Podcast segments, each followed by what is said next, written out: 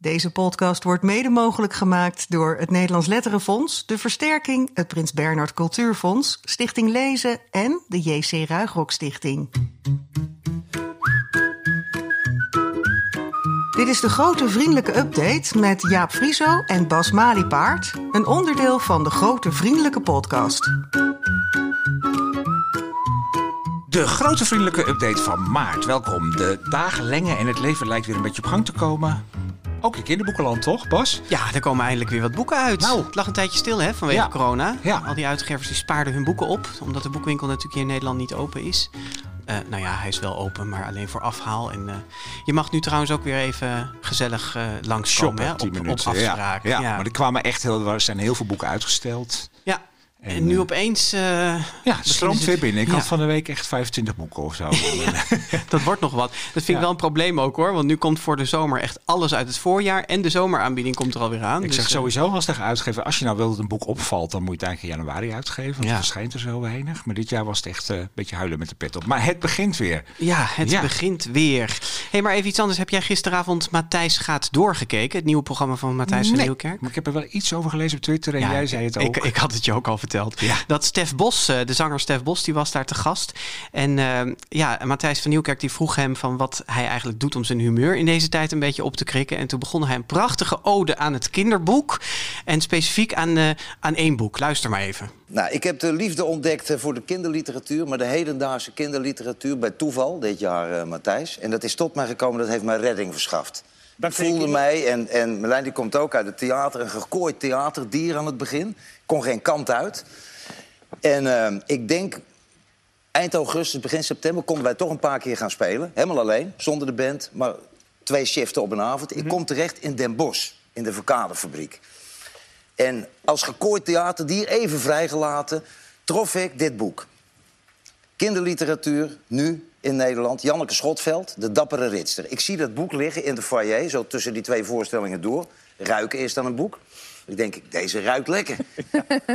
ik sla hem open en dat heb ik ook met literatuur. De eerste bladzijde moet bij mij binnenkomen. Weet je, als het dan gebeurt, hier. En dit gebeurde. Gekooid theaterdier, de ontsnapte leeuw.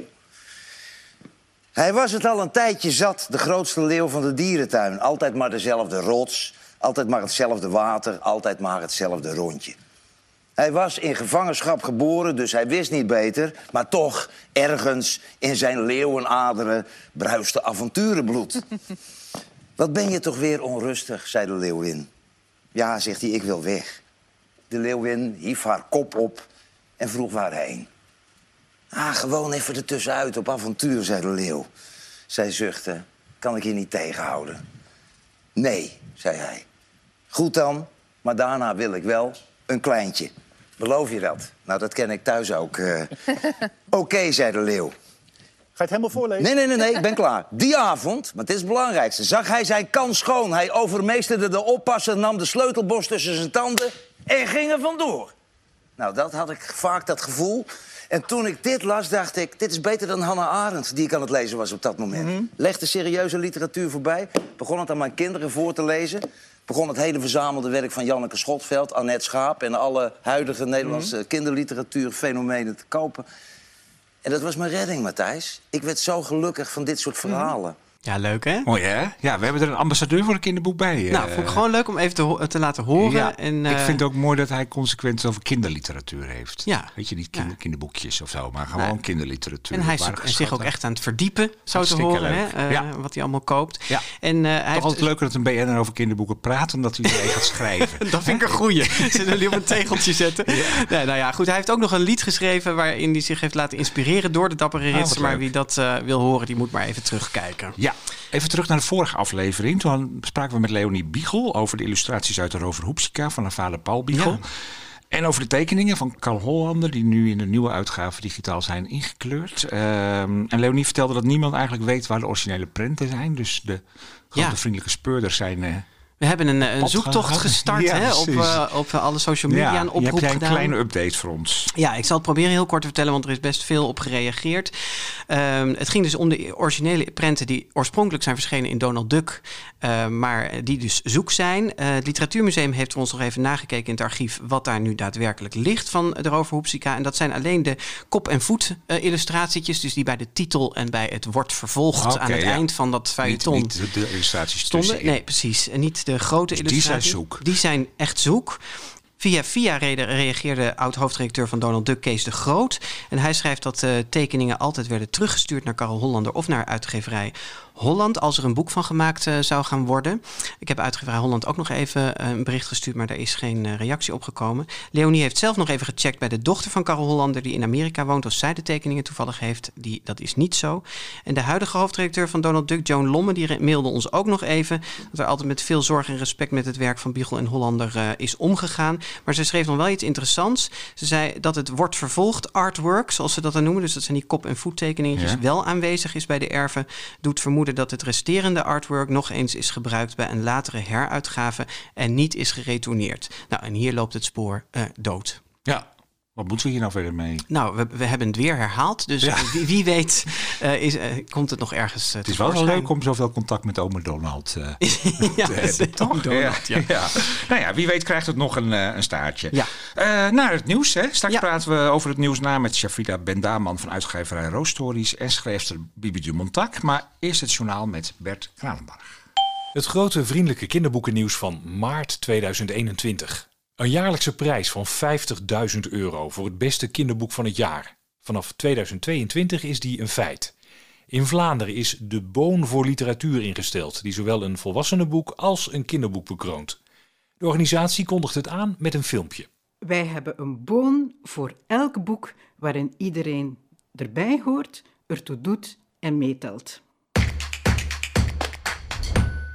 Het is toch wel met eh, enige vreugde dat wij kunnen aankondigen dat vanaf volgend jaar wij in Vlaanderen terug literaire prijzen kunnen uitreiken.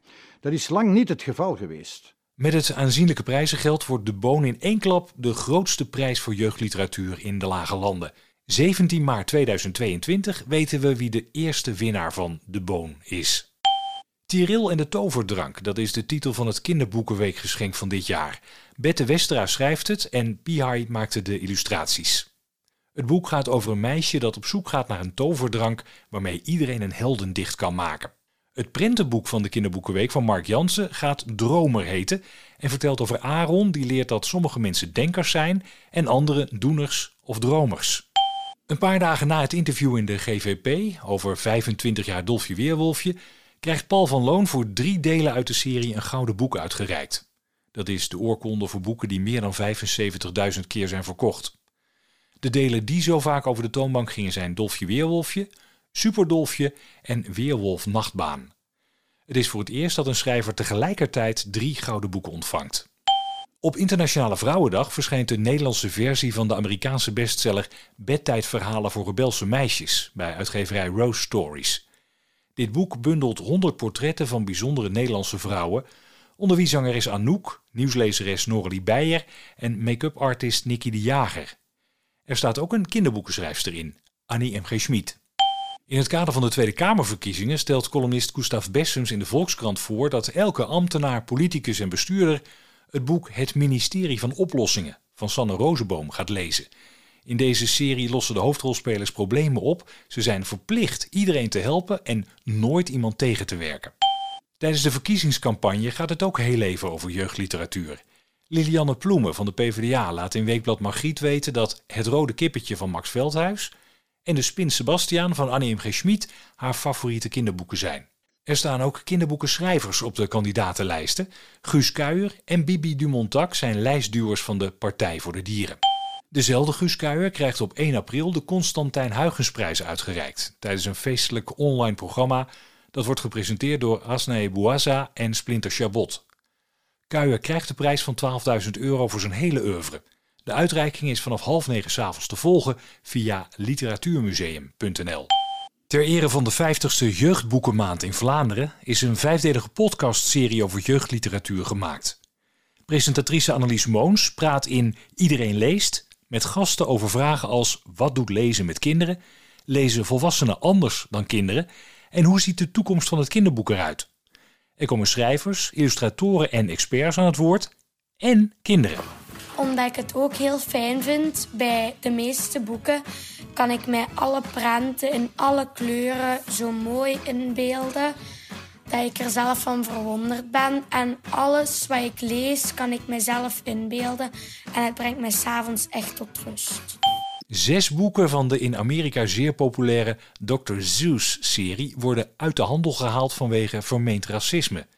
In deze delen komen stereotype voorstellingen voor die volgens de beheerders van zijn nalatenschap niet meer kunnen. De eerste vier genomineerden voor de Woutertje Pieterse prijs zijn bekend. Koningskind van Selma Noord, Wat is kunst van Ted van Lieshout, Hele verhalen voor een halve soldaat van Benny Lindelauf en de fantastische vliegwedstrijd van Chibbe Veldkamp en Sebastian van Donink maken kans. Er komen nog twee genomineerden bij. Op zaterdag 10 april onthult juryvoorzitter Abdelkader Benali in het radioprogramma De Taalstaat op NPO Radio 1 de winnaar. Voor de derde keer verschijnt er ter gelegenheid van de Maand van de Filosofie een kinderboek. In De Eik was hier van Bibi Dumontac en Marije Tolman vertelt de zomereik, die al bijna twee eeuwen in de middenberm van de A58 bij Ulvenhout staat, aan zijn goede vriend De Gaai over zijn leven. Vier uit het Nederlands vertaalde boeken zijn genomineerd voor de prestigieuze Deutscher Jugendliteraturpreis. In de categorie prentenboeken Vosje van Edward van der Vendel en Marije Tolman en In de tuin van Monet van Kaatje Vermeire. Bij de kinderboeken Haaientanden van Anna Woltz, het kinderboekenweekgeschenk van 2019. En bij de jongere boeken maakt Wilma Geldof kans met Het meisje met de vlechtjes, een boek over het jongste verzetsmeisje van ons land. Zowel Anna Woltz als Wilma Geldof waren in de GVP te gast om over deze boeken te vertellen. Voor het eerst verschijnt er een kleureneditie van De Grote Vriendelijke Reus van Roald Dahl. De zwart-wit illustraties van Quentin Blake uit 1984 zijn door medewerkers van zijn studio met de hand ingekleurd. Tot slot nog een paar bijzondere uitgaven die zijn aangekondigd. Van het boek 67 seconden van Jason Reynolds, getipt in de GVP, verschijnt een versie in stripvorm. De versroman is omgezet in een graphic novel die uitkomt bij Blossom Books. Bij dezelfde uitgeverij verschijnt op Wereld Autisme Dag, 2 april, Ik ben autastisch van Bianca Toeps. Het is de kindereditie van haar bestseller Maar je ziet er helemaal niet autistisch uit, waarin Toeps uitlegt wat autisme is en haar eigen ervaringen deelt. Bij uitgeverij Leopold verschijnt deze zomer een nieuw boek van Tonke Dracht, De strijd om de hartenkoningin. Het betreft een vondst uit het archief van de schrijfster. Later verschijnt er ook nog een boek waaraan Tonke Dracht momenteel met Rindert Kromhout werkt, zoals hij in de GVP bekend maakte. Nou, dankjewel Bert. Het Ja. was, eh, wat een lijst met nieuws weer. Nou, het was weer eh, veel, hè? ja, wij denken in begin, dachten in het begin nog wel, hebben we iedere maand genoeg nieuws, maar eh me dunkt. En we hebben er ook nog heel veel uitgeknipt ja, weer. precies. Hè? Dus, ja, ja, heel gevarieerd nieuws. Wat, wat viel jij jou op? Die, Nou, als belangrijkste natuurlijk die boon voor de literatuur in Vlaanderen. 50.000 die, wat euro. een geld. Ja. Elk jaar voor één kinderboek. Hè? Ja. Dus het is niet voor een oeuvre. Zoals hier in Nederland hebben we de Theo Thijssenprijs, 60.000 euro. Die wordt één keer in de drie jaar uitgereikt voor een oeuvre. Nou, we hebben natuurlijk de Woutertje Pieterse prijs, 15.000 euro.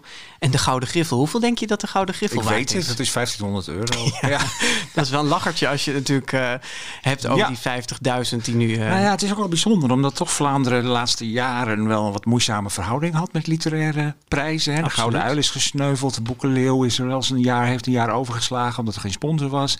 En dan is deze prijs komt voor mij toch een beetje uit de hoge hoed. En, en, en ja, is op een mooie manier aangekondigd hè, op 17 maart, omdat hij ook precies volgend jaar 17 maart de eerste wordt, eh, ja. wordt uitgereikt. En ja, het is meteen eigenlijk, vind ik al wel, heeft hij een soort statuur. De boon. Absoluut. Boon voor literatuur. Een En Waar beetje, komt die naam vandaan, Jaap? nou ja, een boon voor iets hebben is dat je iets, iets leuk of prettig vindt. Een Dus beetje een zwakke hebt een voor- oogje op ja. iets hebt, oogje Ja. op literatuur. Ja, en Louis Paul Boon kun je er natuurlijk bij, eh, Ja.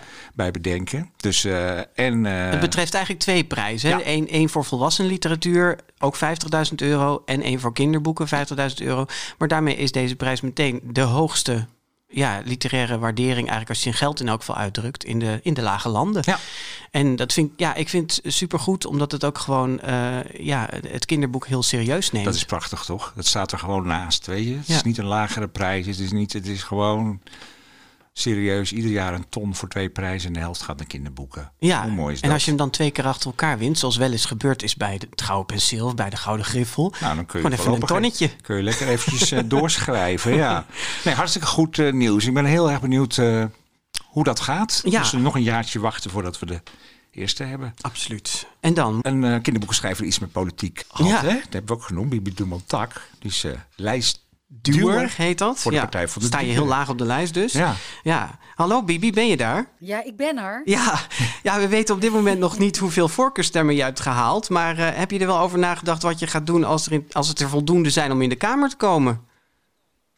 Ja, dan eh, leg ik de pen even voor vier jaar neer. Niet. En dan ga ik de politiek in. Ja, ik vind als je eh, lijstduwer bent dan, eh, en, en je hebt zoveel voorkeurstemmen, bedoel, dat, je moet er geloof ik 18 18.000 hebben, dan ga ik het gewoon doen. Ja, nou, Ja. Als al jouw lezers gestemd hebben, dan eh, moet Ja. je... Nou ja, die, dat zou dan eigenlijk niet zo'n goed plan zijn. Nee. Die- dan komen er geen boeken meer van Bibi. Ja, maar ik vind het wel een stoere eh, stellingname. Want dat vind ik eigenlijk wel dat je dat moet doen ook. Als je toch op zo'n lijst Ja. komt te staan. Ja. Maar hey, Bibi, we willen jou eigenlijk voor, over iets heel anders spreken. Want eh, hier op tafel ligt jouw boek De Eik was hier. En dat schreef je voor de maand van de filosofie. En wij hebben het beide gelezen en, eh, en zijn er zeer van onder de indruk. Ehm, het gebeurt elk jaar hè, dat er bij de maand van de filosofie een schrijver wordt De uitgenodigd. keer is het volgens mij, ja. Om, een, eh, om een boek te schrijven. Jou kwam die uitnodiging toe dit jaar. En was je daarover verbaasd dat ze jou vroegen voor een- zo'n filosofische opdracht, zeg maar? Ehm, ja en nee. Eh, ja, omdat ik nooit filosofische boeken schrijf. Eh, dus waarom zou je dan bij mij uitkomen? En nee, eh, de, omdat het thema de natuur was hier ehm, is. En ehm, ja, dan kom je misschien wel bij mij uit, omdat ik natuurlijk veel over de natuur en vooral over dieren schrijf. ja. En had je toen meteen een idee van... ik kan een boek schrijven waarin ook dat die filosofie een beetje aan de orde komt? Nou, dat ging eigenlijk vanzelf. Want ik had meteen een, een, een gedachte. Ik had meteen eh, het idee dat ik het over die eik wilde doen. Ehm, nooit gedacht dat ik überhaupt ooit over die eik zou schrijven. Maar dan komt er een vraag en dan... Nou ja, toen zag ik opeens eh, die eik in de middenberm staan. Dat was eh, een artikel in Trouw een aantal jaar geleden. Toen was die boom van het jaar geworden. En toen zag je ja, een beetje in een mistige foto... toen zag je die eik daar op die ja, op die snelweg staan. En toen dacht ik, daar ga ik het over doen. Want dat vind ik wel een filosofische gedachte. Dat, eh, eh, dat er een boom op de snelweg staat. Waar het, eh, ja, die boom is natuurlijk een soort symbool voor verstilling. Ja, en de snelweg is het tegenovergestelde. Dus dat contrast, daar wilde ik het over hebben. Ja. Ja, en, en, en hoe dat dan, dat je dan een foto ergens in je hersenpan opslaat en dat die er dan twee, drie jaar later uit komt rollen op het juiste moment. Hoe dat werkt, dat weet ik. Nee, nee, en je bent natuurlijk vooral bekend van het schrijven vanuit dieren, maar nu dus voor het eerst vanuit een boom eigenlijk, hè? Ja, dat is even andere kost. Want ik moest me natuurlijk ook in bomen gaan verdiepen. Ik weet dus als ik, op, ja, als ik eh, in een bos loop, weet ik eigenlijk niet langs welke bomen ik loop. Oh, dat en heb dat ik ook. vond ik echt Ja. een omissie. Dat, is- dat ik denk, is- oké, eik en beuk kan ik wel uit elkaar houden, maar kastanje natuurlijk ook. Maar dan houdt het eigenlijk op. En dat vind ik eigenlijk heel vreemd. Want Ja. ja. ja, ik hou heel erg van bomen en van groen. Maar ik kan al die, al die vogeltjes kan ik allemaal van el- elkaar onderscheiden. Maar een boom, daar weet ik echt niets van. Ja, Dus daar heb ik me eens wat meer in verdiept. Heel goed. En, en, en op het Ehm, filosofische vlak, eh, kreeg je daar ook nog steun van eh, vanuit misschien de Denker des Vaderlands of zo? Heb je, heb je nog sparringpartners gehad met wie je even lekker hebt kunnen brainstormen over de filosofie? Filosoferen dan. Oh ja, filosoferen heet dat dan. Nee, Ja. ja. Eh, nou, het gekke is, ik had inderdaad wat titels gekregen, wat namen, maar dat echt meteen. Ik dacht, oh nee, dat, dat is niet iets voor nu en dat is niet iets voor een kinderboek. Dat, eh, daar moet ik, dat, dat gaat heel lang duren voordat ik me dat eigen kan maken. Ik heb wel een paar leuke wandelingen met Eva Meijer gemaakt, want die eh, was eh, aangesteld voor het essay ehm, hè, voor volwassenen. Eh, is een filosoof, neem ik aan.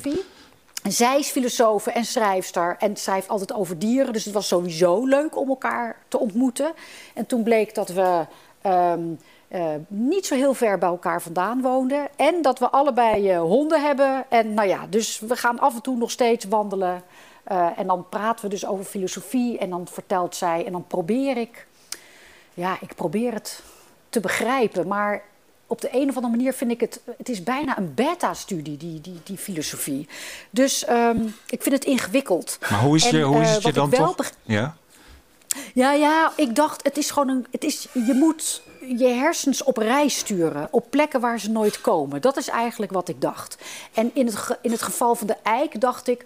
ehm, ik heb me nog nooit in een boom ingeleefd. Dat vind ik al filosofisch genoeg om dat te doen. Want wat zijn de vragen die een boom zich stelt? Nou, bijvoorbeeld, waarom heeft ehm, beweging altijd voorrang op stilstand? Ja, dat is een Mens hele mooie. Vindt dat, eh, ja, mensen wil natuurlijk bewegen, dat de vooruitgang, hè, dat is, maar bij, bij een boom is, is dat heel anders. Dus dat vond ik eigenlijk al filosofisch genoeg om daarbij stil te staan. Ja.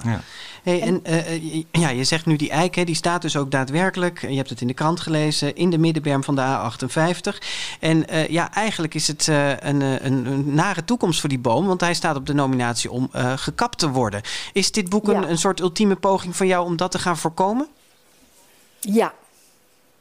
dat is Ja, kort maar krachtig. kort, ja. Dus je hebt, je hebt het al in een envelop gedaan en naar Rijkswaterstaat opgestuurd? Of hoe, hoe denk je dat te bereiken? inderdaad, eh, eh, nou ja, eh, inderdaad een, een, een boek naar Rijkswaterstaat sturen, inderdaad. Ehm, maar ehm, ik heb ook de mensen van Rijkswaterstaat gesproken. En die wilden, ja, het heeft allemaal met economie te maken, zoals alles. En ik vind, eh, kijk, wat ze zeggen van oh, we kunnen de snelweg ook op een andere manier aanleggen. Maar dan gaan er nog veel meer bomen sneuvelen. En ehm, dat is natuurlijk wel zo, want er staan in de berm ook nog bomen. Dus Ja. als de weg aan de andere kant verbreed zou worden. En het gaat om een nu- wegverbreding, hè, inderdaad. Ja. Ja. En kijk, en dan gaat het net als eh, eh, eh, dieren die aan de sla- slacht ontsnappen. Je, je, redt één koe, maar wat doet dat er nou toe?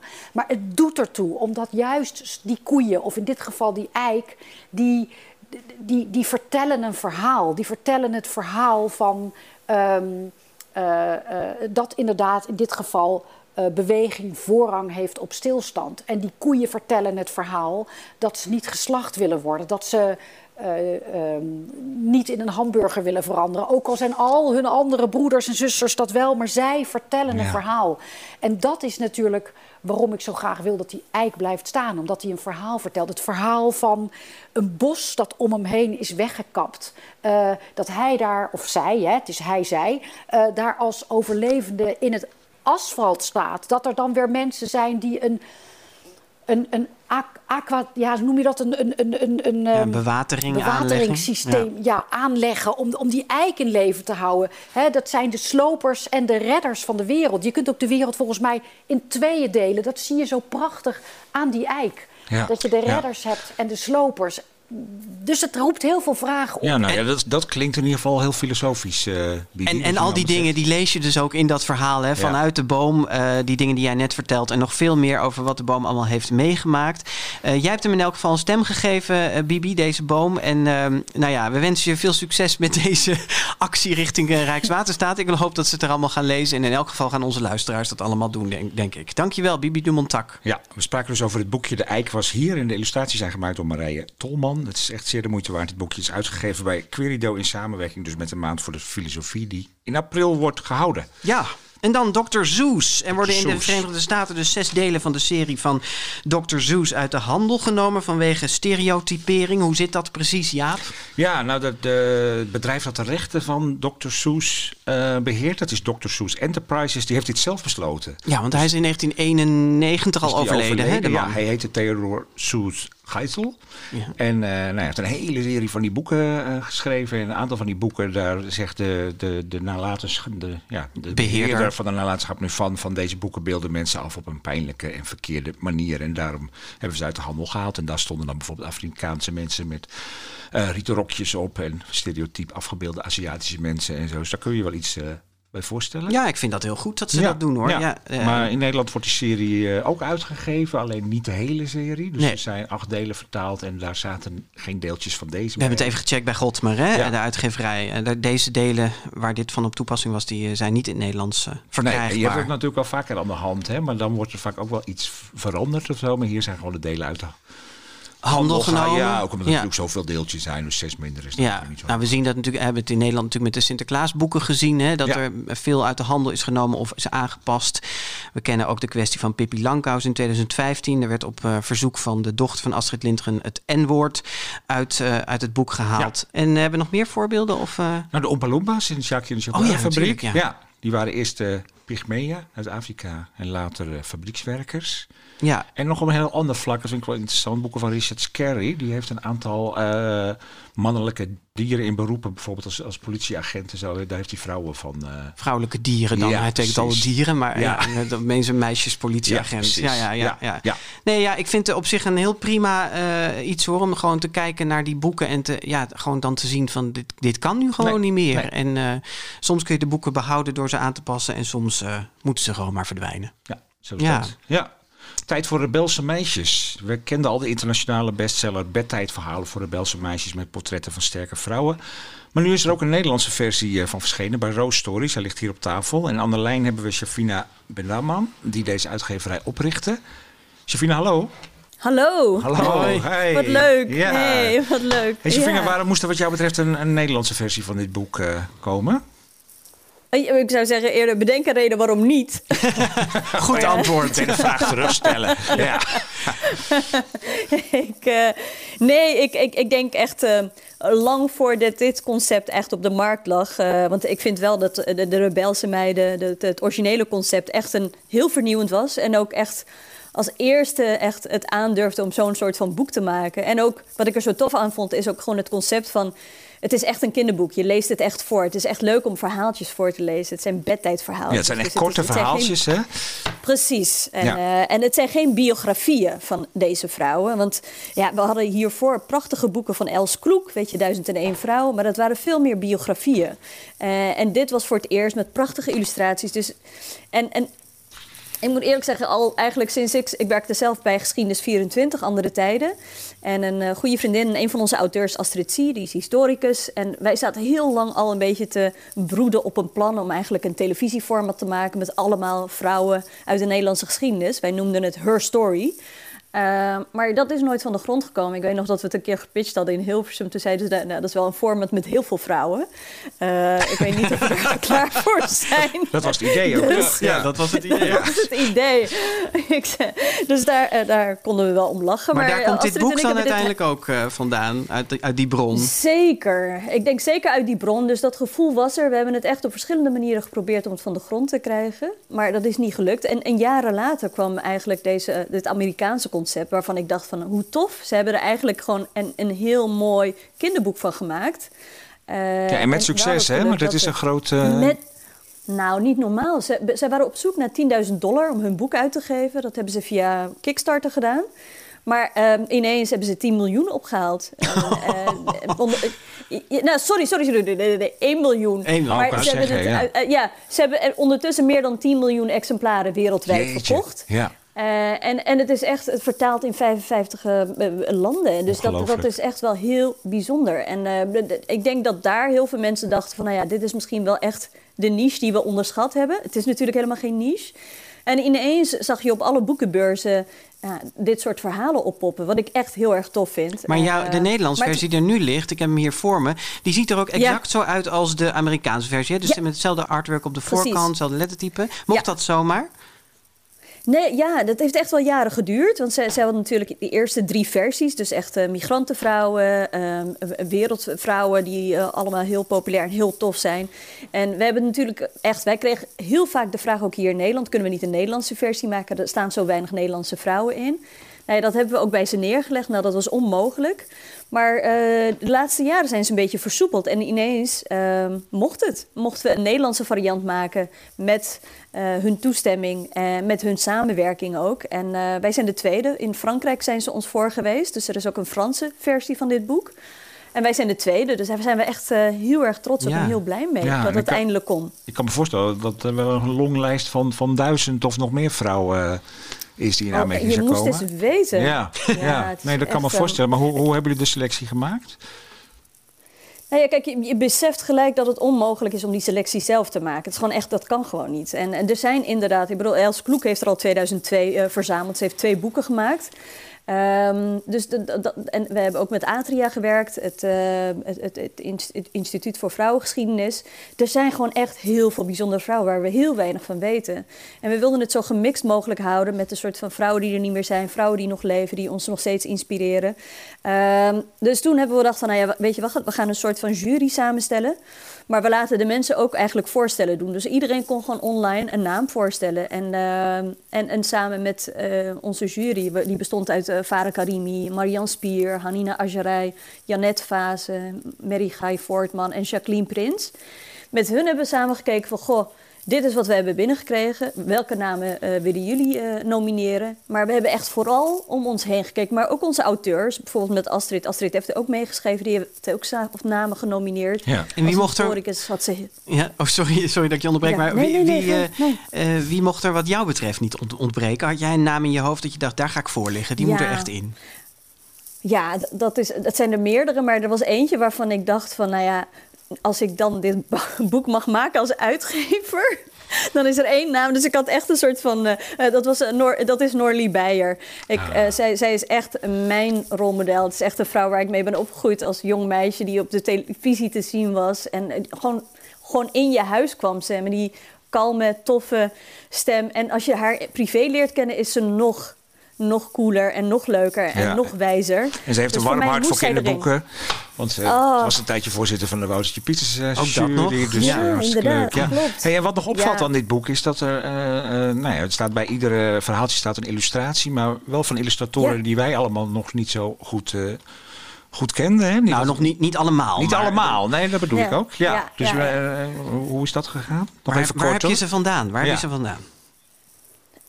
Ja, ze, zijn overal. In ons netwerk loopt het over van hele toffe illustratoren. En eh, wij dachten, hoe gaaf is het? Je kunt het natuurlijk ook met één illustrator doen of twee. Maar wij dachten, we gaan gewoon dat netwerk gewoon eh, ehm, eh, even... Uitputten. Ja, ja. ja, sorry. Soms ben je op zoek naar een woord. Ja. Maar dus nee, dus, nou, in alle eerlijkheid, ik bedoel, ik, ik kan zeggen dat het moeilijk was, maar dat was het niet. Er zijn zoveel nieuwe, toffe talenten ge- weet je, en ervaren illustratoren die echt met alle liefde hebben meegewerkt. En eh, het was ook echt een feestje. We hadden vorige week ook een soort digitale lancering met al deze toffe, toffe dames. En dan ben je zo met meer dan 60 vrouwen. En iedereen is gewoon echt eh, door het dolle heen. En ja, het is voor ons ook, dit is echt een geweldig boek. Want ze mogen, weet je, ze, sommige mensen kwamen echt net van een opleiding. En dit is dan het eerste wat ze maakten. Ja. En eh, dan is het heel tof om eigenlijk te debuteren met heel veel andere Nou, het is daarmee eh, ook eigenlijk een soort, eh, ja, het is daarmee ook eigenlijk een soort staalkaart geworden van nou, nieuw talent of in elk Ja. geval talent dat in de Ja, kinderboekenwereld ja. nog niet zo eh, ingeburgerd is. Een soort Dus, eh, catalogus eigenlijk. catalogus, ja. ja. Als je op zoek bent naar een illustrator, Ja. dan kun je gewoon daar eens even doorheen bladeren en kijken wat je smaak pak, is. En, pak, pak ons boek erbij dan. Ja, precies. Ja, ja. Ja. Shavina, nog, en nog één vraag. Ehm, eh, Ja. Is dit de laatste versie die je gemaakt hebt in het Nederlands of heb je er nog meer op de, eh, op de planning staan? Nou, we, we hebben echt de smaak te pakken. Dus ik hoop dat we er nog vele mogen maken. En als een soort van. eh, ja, ik hoop dat er nog een. Voor mij is dit Nederlandse boek het eerste. Voor mij mogen er nog veel meer komen. Maar ja, het, het- eh, in oktober gaan we dan eh, ook een beetje de stoute schoenen aantrekken. En een heel tof boek samen met eh, de Amerikanen maken. Dat is Black Girl Magic. Eh, dat zijn met honderd toffe zwarte vrouwen over de wereld. En, maar we gaan ook dus een, een, een, een queer editie. Dus ehm, met allemaal queer rolmodellen. Oké, gaaf. En ehm, ja, ja, en als Ja. derde maken we dan ook nog eens een, eh, een Marokkaanse. Eentje met Marokkaanse vrouwen. Nou zeg. Wauw. Die rechten heb ik ook Ja. opgekocht, ja. Nou, Gaaf. plannen Dus nee, we, wat ons, we zijn net begonnen. Dus, ja, ehm, ja. Nou, heel Ja, veel heel succes veel dan met het eh, vervolg. eh Shavina Bendaman van Rose Stories. Dankjewel dat je even aan de lijn wilde komen. Ja, we hadden het over bedtijdverhalen voor rebelse meisjes. 100 bijzondere Nederlandse vrouwen. En dat is dus uitgegeven bij Roos Stories. En er werken maar liefst 48 illustratoren Kijk. aan mee. Ja. Nou. Hey, en dan eh, Jaap, is het nu tijd voor eh, deze rubriek. Het grote vriendelijke publiek. Ja, alles wat je kwijt wilt over kinderboeken of de GVP kun je als voicebericht mailen naar info-apenstaartje de grote vriendelijke podcast.nl. En wij maken dan uit alle inzendingen een keuze voor deze rubriek. We vroegen deze keer via sociale media om berichten te sturen over Guus Kuijer, omdat hij op 1 april de Constantijn Huygensprijs krijgt. Ehm, ja, en we vroegen naar herinneringen rond zijn boeken en er rea- reageerden veel mensen, maar opvallend veel schrijfsters. En daar hebben wij er drie van uitgekozen die we even aan je willen laten horen. Als eerste Diet Groothuis. De boeken van Guus Kuijer. Nou, daar heb ik wel eh, veel aan gehad en eh, erg van genoten. En vooral de boeken van Madelief. Want ik was opgegroeid met eh, W.G. van der Huls boeken over hele brave meisjes als Rozemarijntje. Wat een hele serie was. En dat was allemaal zo bloedeloos. En zulke meisjes ehm, eh, waren er eigenlijk in alle boeken in mijn jeugd.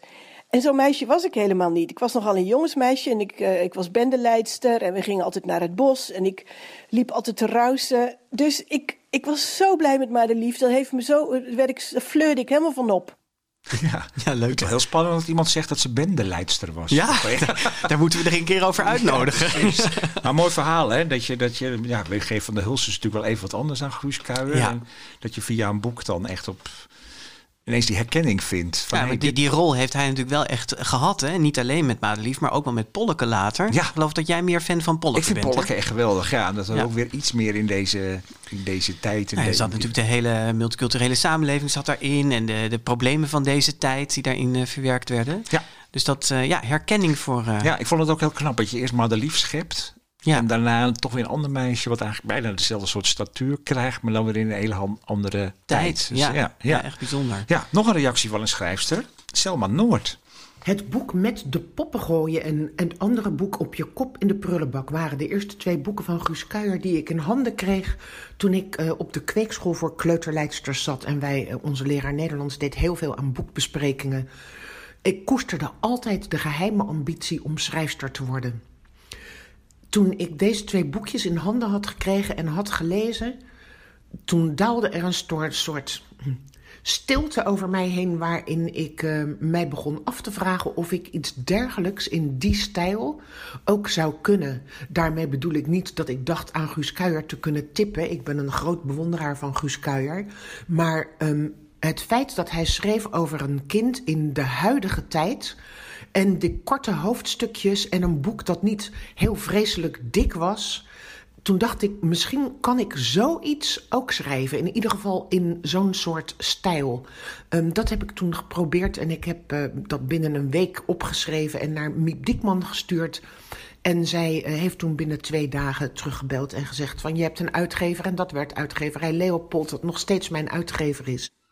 Ja, Selma Noord. Ja. Ze is niet de enige die zich heeft eh, laten inspireren, denk ik, door Kuijer. We hebben het daar in de eindejaarspodcast nog even over gehad. Weet je nog? eh, eh, van welke schrijvers zijn er nou eigenlijk die eh, navolgers zijn? Toen noemden we, geloof ik, Gideon Samson. nou, Enne Koens zou je daar denk ik ook wel onder kunnen scharen.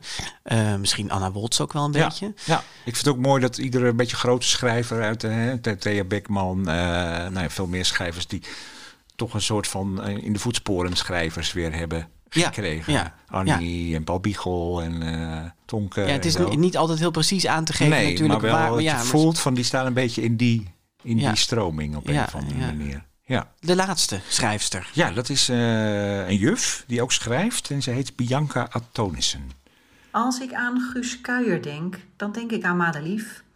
Op je kop in de prullenbak. Ik heb het hier in mijn handen. Voorin schreef ik dat ik het op mijn achtste verjaardag heb gekregen. Ik kan me de verhalen, die altijd lekker gek waren, nog heel goed herinneren. Met de meester sluipen onder het raam van het hoofd van de school door. En het verhaal over vogeltaal, waarbij Madelief moet opschrijven wat de vogels tegen elkaar zeggen.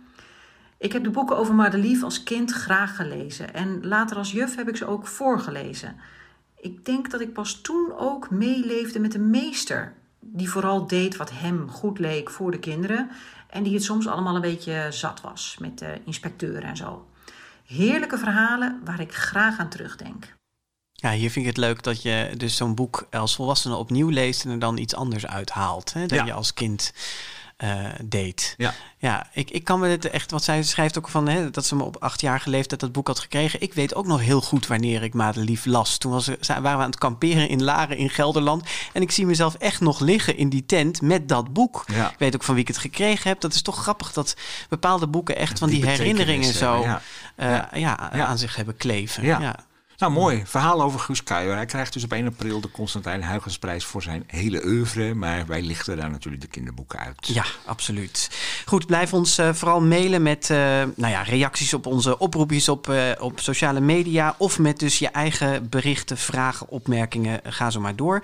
Vergeet je niet te abonneren ook op de GVP en de GV-update in je podcast-app. En volg ons via Twitter, Facebook, Instagram of Goodreads onder slash de Oké, het zit er weer up. Ja, het zit erop. Ja, we namen deze update op op zondag 21 maart in de kinderboekenwinkel Kiekboek in Haarlem. En dank natuurlijk weer aan Mark Brouwer voor de techniek.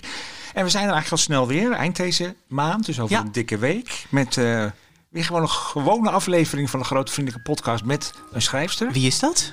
Laat ik het vertellen? Ja. Ja, dat is altijd spannend, hè? En Sassen komt met een nieuw boek en eh, zonder titel.